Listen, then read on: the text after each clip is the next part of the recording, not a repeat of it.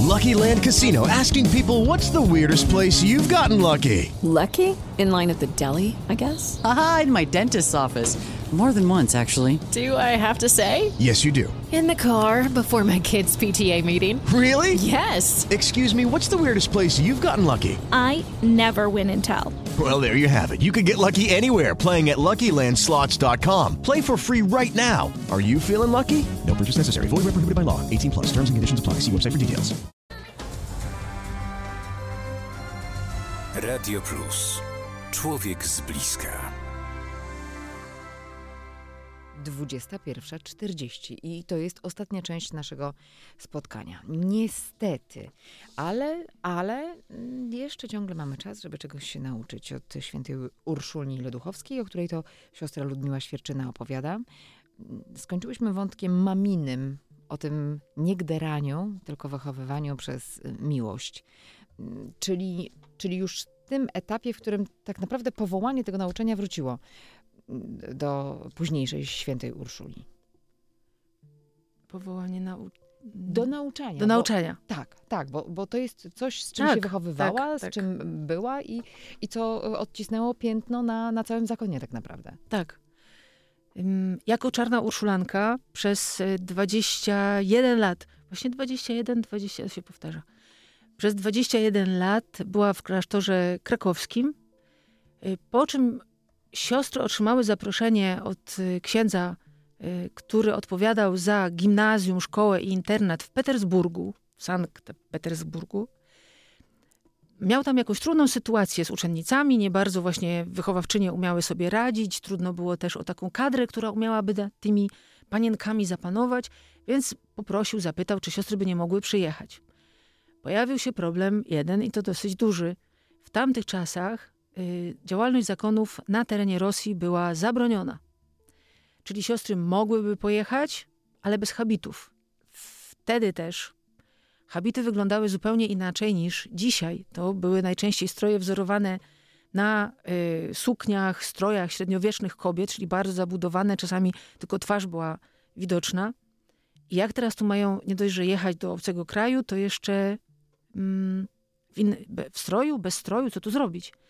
I napisały wtedy właśnie siostry do papieża, no, prosząc o radę, czy jechać, czy nie jechać, czy on temu błogosławi, czy nie. I ym, papież napisał, choćby i w, w różowych sukienkach, ale chcę, żebyście tam pojechały. Jakie mądre podejście. Tak. Więc nie w różowych, w czarnych raczej, ale w bardzo eleganckich. Mamy takie zdjęcia, że jednak to była hrabina Leduchowska, więc koronki jakieś takie skromny strój, skromny, ale elegancki.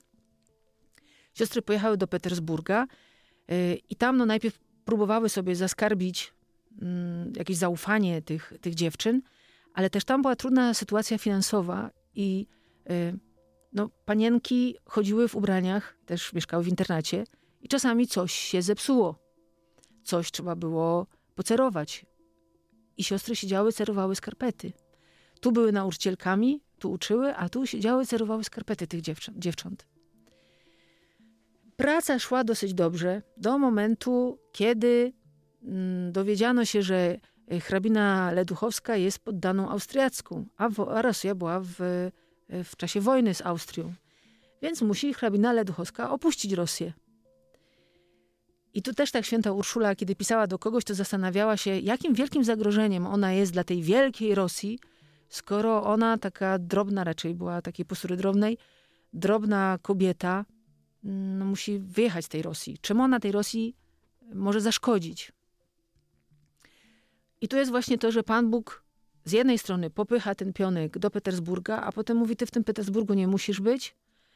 I to był bardzo trudny czas dla świętej Urszuli. I znowu dzisiaj powiedzielibyśmy, że to mogła być albo depresja, albo według świętego Jana od Krzyża noc ciemna, kiedy w Szwecji była daleko od swoich sióstr, kiedy miała mnóstwo pytań do Boga, o co tobie chodzi?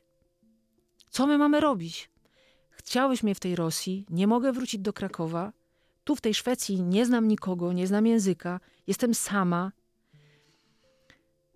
Mm, Więc to było bardzo trudne. I stąd myślę, właśnie święci są nam bliscy, kiedy my ich poznajemy, że oni też prze, przeżywają swoje trudności. Rozterki, te- dramaty, tak. że to nie jest tak, że wszystko jest pięknie oświetlone, a tu ta droga prowadzi Tak. cię do nieba. I on idzie i wie, i tam róże same, bez kolców, Mhm. bo kolce oczywiście Tylko płatki. opadają tam. Więc kiedy poznajemy życiorysy świętych, to my widzimy, że to, to były osoby z krwi i kości. To były osoby, które zmagały się z jakimiś swoimi demonami, z jakimiś trudnościami. I właśnie gdzie w tym wszystkim y, i on, i one czerpały od Pana Boga, mimo że często Go nie widziały. Były wierne. Ym, W Szwecji postanawia jednak Tak. mimo wszystko mm, jakoś chwycić tego byka za rogi i, i najpierw e, chyba zacząć od języka. Tak, bo zauważyła, że skoro tam jest, nie może wrócić do sióstr, siostry są tam, utrzymywały kontakt listowny, y, miała dużo czasu, więc dużo się modliła. To jest też przedziwne, nie widzieć, nie widzieć drogi przed sobą, nie widzieć Pana Boga przed sobą, a jednak być wiernym i się modlić. Bo często wielu z nas dzisiaj powiedziałoby, no nie widzę, nie czuję, no Nie, to, to do nie. widzenia. Mhm. Ale zauważyła, że właśnie w tych krajach skandynawskich nie było wojny. Nauczyła się szwedzkiego, nauczyła się norwes- norweskiego, duńskiego. Skontaktowała się z panem Sienkiewiczem, Henrykiem, Tym Sienkiewiczem. tak, i z komitetem, który on, któremu patronował, który miał pomagać Polsce, kiedy już będzie wolna. I to jest też super po prostu. Nie tylko modlitwa o wolną Polskę, ale zaczęła jeździć po całej Skandynawii i opowiadać tym właśnie Szwedom, Norwegom o Polsce, o jej kulturze, o wielkich Polakach. I w tym momencie ci, którzy ją słuchali, tak jak słuchały ją uczennice w szkole, tak ci po prostu byli nią, o, nią i tym, co mówi, byli oczarowani. Powiedzieli, że ona nawet jak równanie matematyczne by opowiadała, to, to też by ją wszyscy słuchali, bo tak właśnie opowiadała. To był jej dar. Tak, więc kiedy ona opowiadała o tej wielkiej Polsce, której na mapach nie było, o wielkich Polakach, i to też myślę, że dla nas jest bardzo no, istotne dzisiaj, że my potrafimy narzekać na Polskę, wyśmiewać albo, no nie wiem, wyśmiewać, nazwijmy to tak, Nasze wady. nasze wady i mówić o nich więcej niż inni ich widzą tak naprawdę. Mhm. Y, A no, czy my znamy naszą kulturę, historię, sztukę? Mm, Tutaj No wielki znak zapytania, bo właśnie. to bardzo często sami sobie jesteśmy winni, potem mówimy, że no, my to już taki naród jesteśmy, po prostu narzekamy, lubimy świętować tylko te rocznice, które są tragiczne, a, Mhm. a nie tylko ze złych rzeczy dzień się składa. Tak. No więc ta e, matka niepodległości z ojca Polaka, matki e, Austriac- e, szwe, szwe, Sz- szwajcarsko-niemieckiej, wychowana, ona by nas wiele mogła także w tej dziedzinie nauczyć. I zbierała pieniądze od tych Norwegów i od tych Szwedów. Między innymi też zebrała pieniądze na nasz pierwszy dom, na zakup pierwszego domu w Polsce, sióstr y, Urszulanek. Y, Więc kiedy siostry już mogły się połączyć, bo znaczy, to właśnie też tak brzmi, mogły się połączyć. W Rosji ciągle były jakieś, y, w cudzysłowie, naloty. Mhm. Sprawdzali, czy tu są zakonnice, czy tu się uczy po polsku, czy tu się uczy religii. Więc siostry musiały niestety Rosję opuścić i to, co tam, tam się działo, to, co tam robiły. Mm, I połączyły się już z matką Urszulą. I teraz znowu różne perypetie dziejowe doprowadziły siostry do Danii. I tam w Danii siostry zauważyły, że jest bardzo dużo sierot, polskich dzieci po robotnikach tam pracujących, po polskich robotnikach, którzy wyjechali za pracą na początku XX wieku. Więc trochę też z jednej strony dzieci, sieroty, z drugiej strony też, że my kiedyś z tymi dziećmi wrócimy do Polski. To są polskie dzieci, one powinny być w Polsce, tam się powinny wychowywać. Y, I w Danii siostry, to też jest w ogóle super. Z jednej strony prowadziły dom dla tych dzieci sierot, a z drugiej strony, nawet nie wiem, czy nie w tym samym budynku, otworzyły szkołę dla dziewcząt, które chciały uczyć się języków. Dziewczęta za szkołę płaciły, a siostry miały na utrzymanie dzieci. Czyli z lewej kieszeni, do lewej kieszeni wpadało, a prawą wychodziło. No super. Y, Kiedy Polska odzyskała niepodległość, siostry wiedziały, że trzeba się spakować do pociągów i wrócić do Polski. i za norweskie pieniądze konsula norweskiego y, zakupiły ziemię w okolicach Poznania, w Pniewach.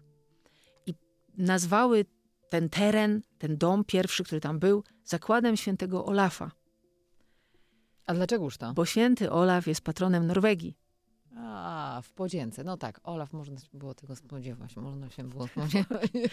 Tak, Mhm. ale była wdzięczność, prawda? To też, dla mnie to też jest y, bardzo takie no fajne, że jesteśmy wdzięczni chociażby w takich drobiazgach. Nazywamy, nazywamy właśnie patronem Norwegii dom, y, który za norweskie pieniądze kupiłyśmy. No i tu już w Pniewach rozpoczęła się działalność sióstr Urszulanek, ale ciągle jeszcze to były Urszulanki y, te z Krakowa. Mhm. Czyli ciągle czarne. Czyli ju- już nie czarne, ale czarne. Mimo, że już zmienił się bardzo styl życia sióstr, a nawet zmienił się habit. Siostry cały czas, czu, no, w myślach matki Urszuli nie było założenia nowego zgromadzenia. Ona czuła się Urszulanką tą właśnie z Krakowa i dążyła do tego, żeby wrócić do Krakowa, ale po drodze różne rzeczy się pozmieniały. Między innymi to, że siostry już nie pracowały tylko z dziewczętami, nie prowadziły szkoły tylko dla e, rodzin e, arystokratycznych czy zamożnych. No i zmienił się habit.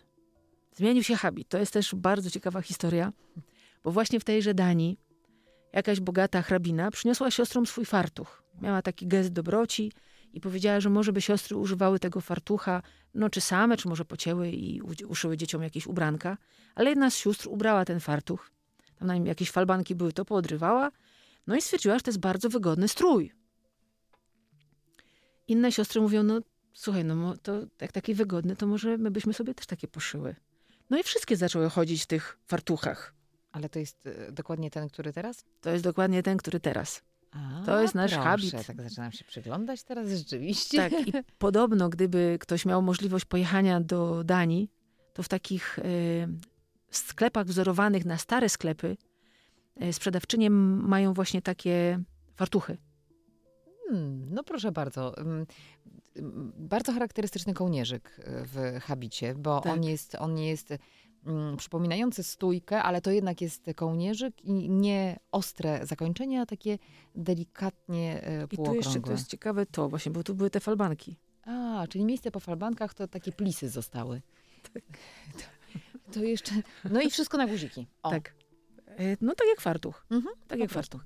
Więc kiedy już chodziły wszystkie właśnie w tych w takich samych fartuchach i było dla nich to bardzo wygodne w pracy z dziećmi, jeszcze kolor, kolor szary e, też to ma do siebie, że Zwłaszcza przy dzieciach to jest dobre. No więc właśnie, rozmawiam z mamą, więc nie będę tłumaczyć. Y, I wtedy też, no, znakiem kobiety zamężnej było nakrycie głowy. Mhm. Tak po prostu było. Kobieta zamężna nakładała albo chustę, albo kapelusz. To, to był taki jej symbol. I siostry zakonne też noszą welony. No dzisiaj już też są takie, które nie noszą. Y, Jedna z sióstr, i to wcale nie wybitna krawcowa, tylko siostra, która szyła dzieciom stroje na jasełka. Dostała za zadanie wymyślenie czegoś, co byłoby wygodne, I było przykryciem głowy. to nie przeszkadzałoby w pracy, a jednocześnie nakrywałoby właśnie głowę. No i to jest cała, że tak powiem, ideologia i filozofia naszego stroju. Wygodny. Wygodny, ale też ten kolor szary. e, Tak to też e, siostry odczytują, że no, my jesteśmy, właśnie mamy wskazywać na to, że szare życie Szarego człowieka. szarego człowieka i że szary to kolor. Mhm. Też może być kolorowe, e, po prostu. Tak. Zawsze jak ktoś używa takiego sformułowania zwykły Kowalski, ja mówię zwykła świtała, bo wszyscy jesteśmy zwykli i niezwykli jednocześnie. Nie każdy może świętym być. Czego dowodem e, ta historia, o której opowiadała siostra Ludmiła Świerczyna. Bo nieubłaganie czas nam się skończył, wybiła 21.54. Do takich historii to ja lubię wra- wracać, naprawdę. Bardzo dziękuję e, za ten czas. Przypominam, 29 maja. Mm, Będzie można sobie odświeżyć tę historię, a to już przecież wkrótce wspomnienie świętej Urszuli Leduchowskiej. Wszystkiego dobrego. Bardzo dziękuję imieniu sióstr. E, Jeśli mogę taką prywatę, to oczywiście mm, zapraszam na drugą stronę Wisły do ogródka przy ulicy Wiślanej 2 w niedzielę 28 maja od godziny 16. Powiedziałam 29, prawda? Tak, ale to jest poniedziałek, a chcemy świętować, zrobić grilla, więc zapraszamy w niedzielę. Cudownie. No to wiedzą już Państwo, jaki plan na niedzielę, jakby ktoś był w Warszawie albo właśnie przez Warszawę y, przejeżdżał. Bez względu na to, że Państwo przejeżdżają czy nie, Paweł Krzemiński po 23 z nocnymi światłami będzie mówił o tym, mm, co też Państwo na Dzień Dziecka szykują. Dobrego wieczoru, do usłyszenia za tydzień. Radio Plus. Człowiek z bliska. Hey guys, it is Ryan. I'm not sure if you know this about me, but I'm a bit of a fun fanatic when I can. I like to work, but I like fun too. It's a thing. And now the truth is out there. I can tell you about my favorite place to have fun Chumba Casino. They have hundreds of social casino style games to choose from, with new games released each week. You can play for free anytime, anywhere. And each day brings a new chance to collect daily bonuses. So join me in the fun. Sign up now at chumbacasino.com. No purchase necessary. Group. Void were prohibited by law. See terms and conditions. 18 plus.